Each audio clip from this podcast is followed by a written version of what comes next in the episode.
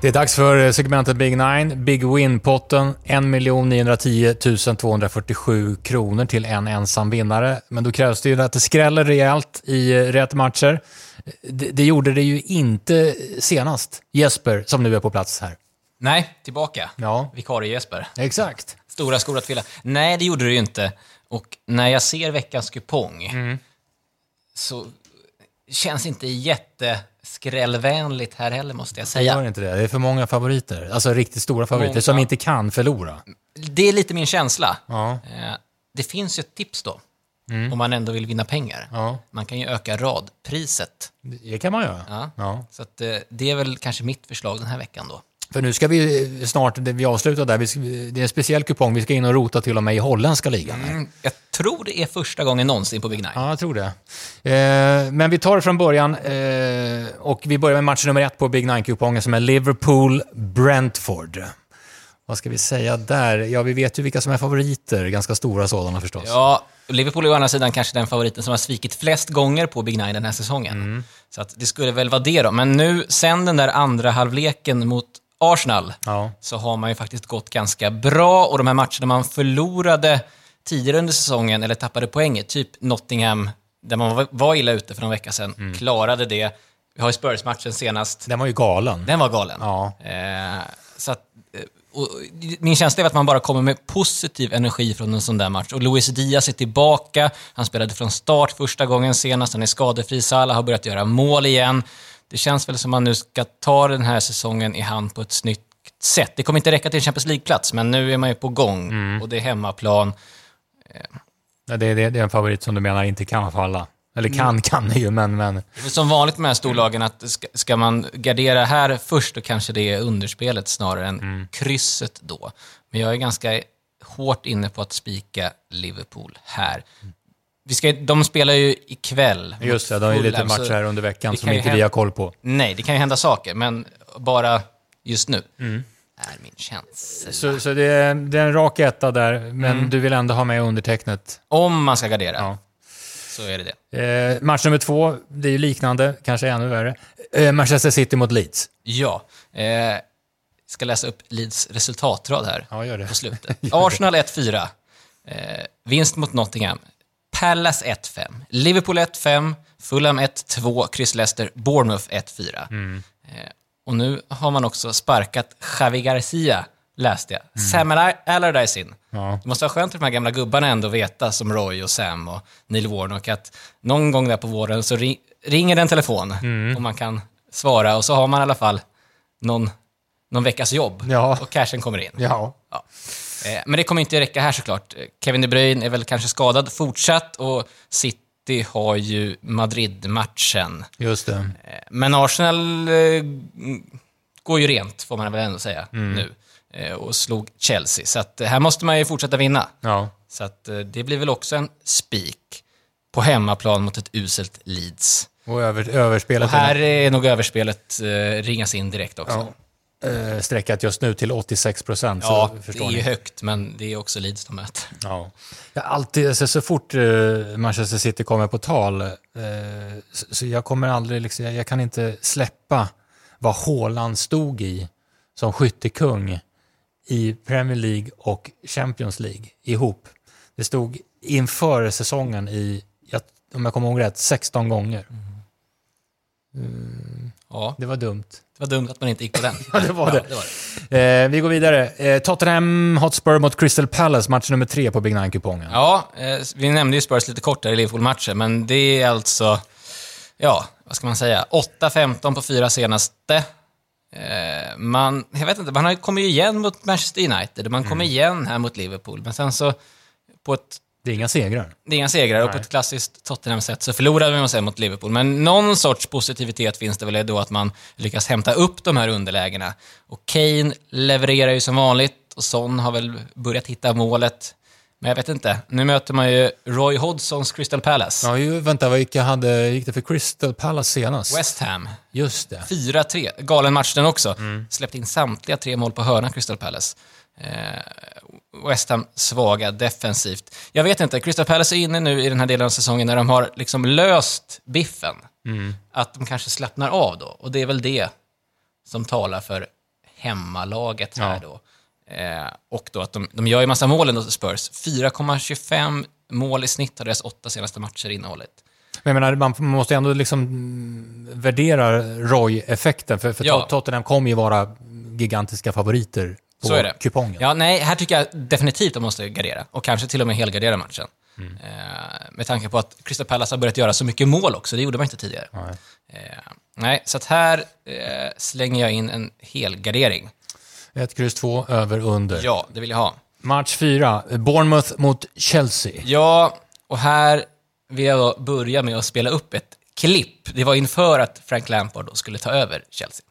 One of the candidates is Julian Nagelsmann. Yes. What has he got that the legend that is Frank Lampard, the Chelsea legend that is Frank Lampard, has not? A guy that knows the club inside out, Yeah. a guy that hmm. Chelsea fans think the world of.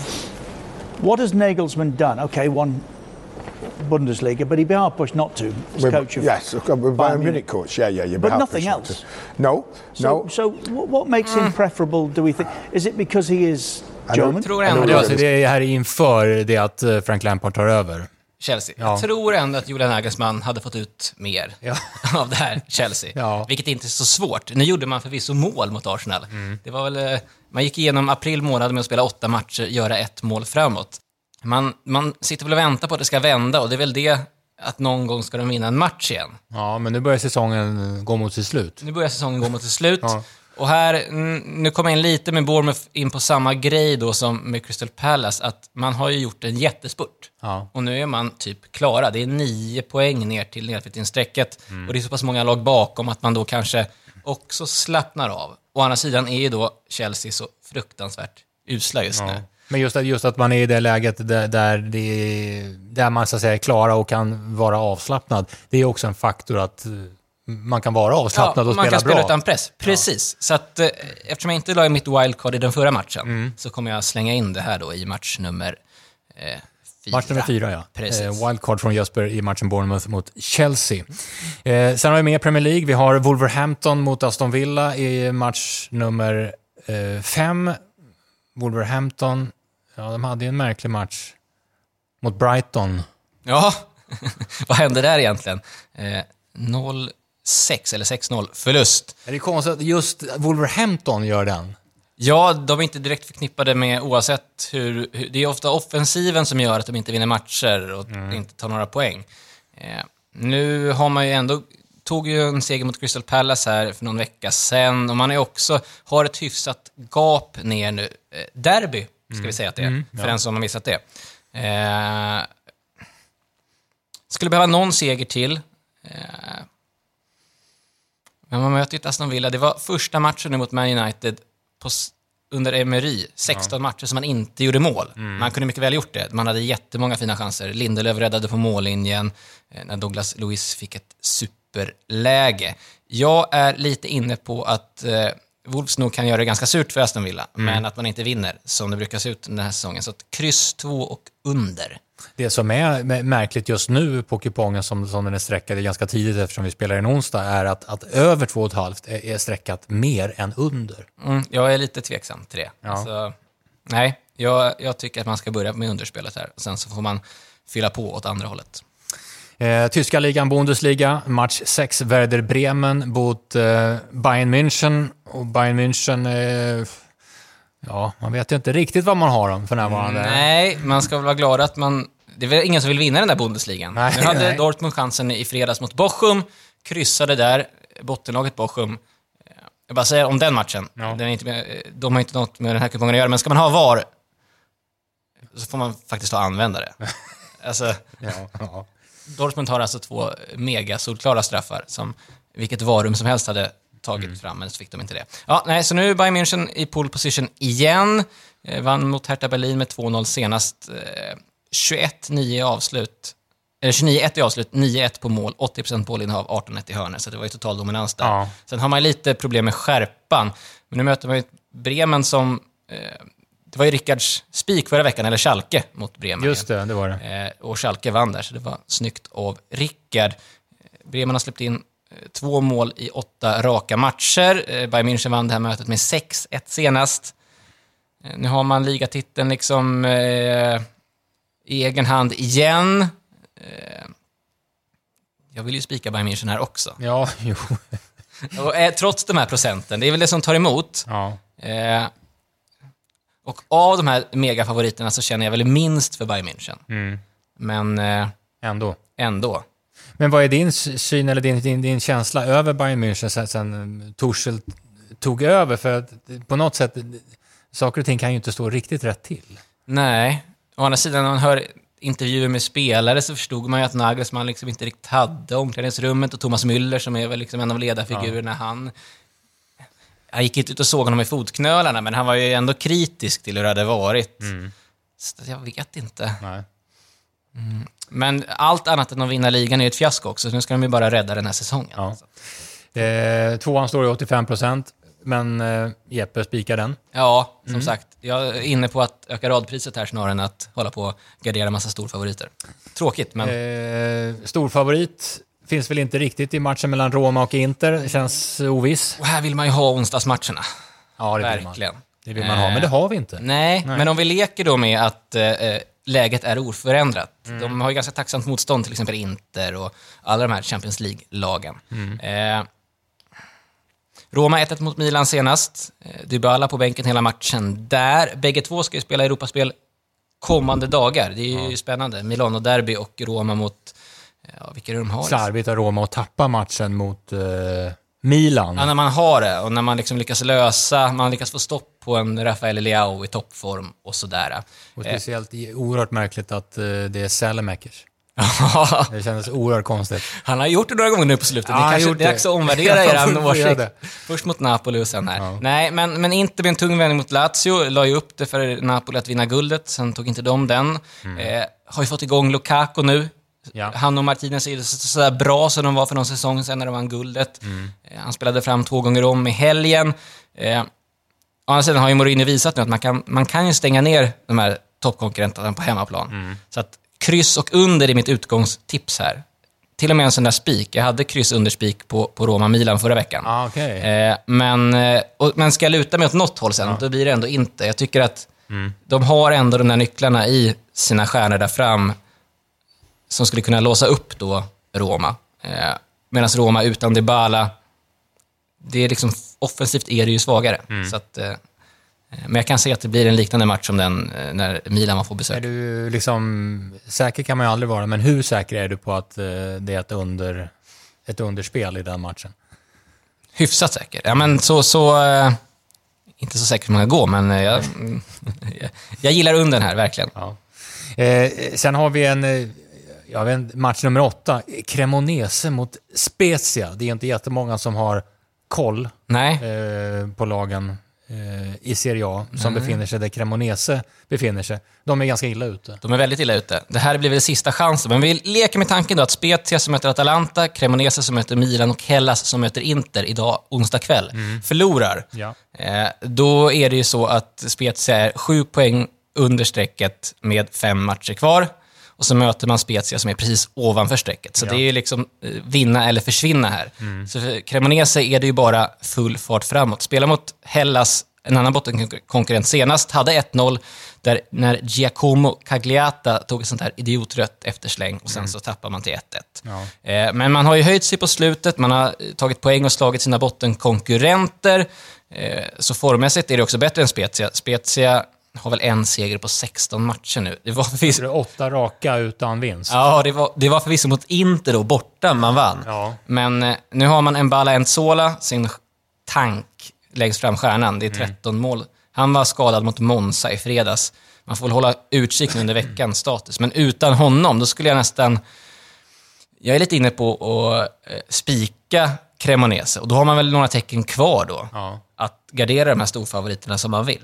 Men det är min, mitt drag, min tanke då. Jag förstår. Är det tecken som du vill eh, utnyttja i, i den sista matchen när vi hoppar in i, i eh, den holländska ligan och där det krigas om eh, Champions League-platser, matchen Ajax-Alkmaar? Ja, Ajax kan ju ta ett supergrepp om den sista Champions League-platsen. Ganska tung vecka bakom sig. Man förlorade cupfinalen mot PSV på straffar, förlorade toppmötet mot samma PSV några dagar innan. Eh, Och har haft svårt mot topplagen hela säsongen. Man har tagit en poäng på fem matcher mot de här lagen. Förlorade mot AZ i höstas till exempel. Eh, Så det är väl det som talar mot Ajax. Å andra sidan har ju AZ en, en eh, semifinal i Conference League några dagar senare som kanske ligger och stör. Det har varit mycket snack om Jesper Karlsson. Han är ju skadad nu igen. Oklar status där. Det var en annan svensk, Michael Lado, som gjorde mål för dem när de vann i helgen. Eh, etta, tvåa, över. Etta, två över. Ja. För det, den raka tvåan just nu står i bara 16 procent. Ja, men det lockar lite tycker jag. Jag tror att eh, AZ, som sagt, här har de inget att förlora heller. Alltså vinner de matchen går de om och då har de, är de med i kampen. Förlorar de är det kört. Ja. Alltså det är bara gasa, för de kommer inte tappa liksom mot konkurrenterna där bakom heller. Nej, jag var inte riktigt klar över det här när vi började podden. Men, men tydligen, Rickard ska göra eh, Sportstudions system eh, som vanligt. Så, eh, men det vore roligt om du gjorde ett också så vi kan, Ja, det kan jag vi göra. kan tävla Ja. lite med eh, Richie. Sen får jag klargöra en sak efter att jag var med senast. Ja, det får du absolut. Jag fick ju lite kritik för mina tips här. Eh, Jag hade rekat Espanyol till exempel. De föll och, och, och, och, och går mot Elche. Men Ja. jag sa, ni spelade ju dem i duellen. Ni fattar ju att det kan ni inte göra. Nej, Nej. Det är sant. Alltså, ska, man- ska, då, då blir det ju som det blir. ja det blir som det blir. Ja. Det är bra. Andelar hur som helst, det brukar vi berätta för eh, de som inte vet om det. An- Sportstudions andelar, Big Nine-andelar, släpps torsdag klockan 13. Alltid om eh, Rickard Norman sköter sig. Det har hänt att han har missat, men eh, jag tror han sköter sig. Det gäller även eh, V75-andelar. Eh, V75 går ju på Åby eh, den här eh, veckan. Det, det är återigen väldigt spännande för mig. Man skulle kunna köra en rak dubbel där ser jag i, i, på slutet eftersom vi har Fleming i både V75 6 och V75 7. Ja. Men är du, är du spelar du på V75? Nej, inte själv, men jag hakar ju på ibland. Ja. Ja. Ja. Det känns bättre så. Ja. Låta någon annan förvalta pengarna där. Har du samma tilltro till Fleming som, som jag har?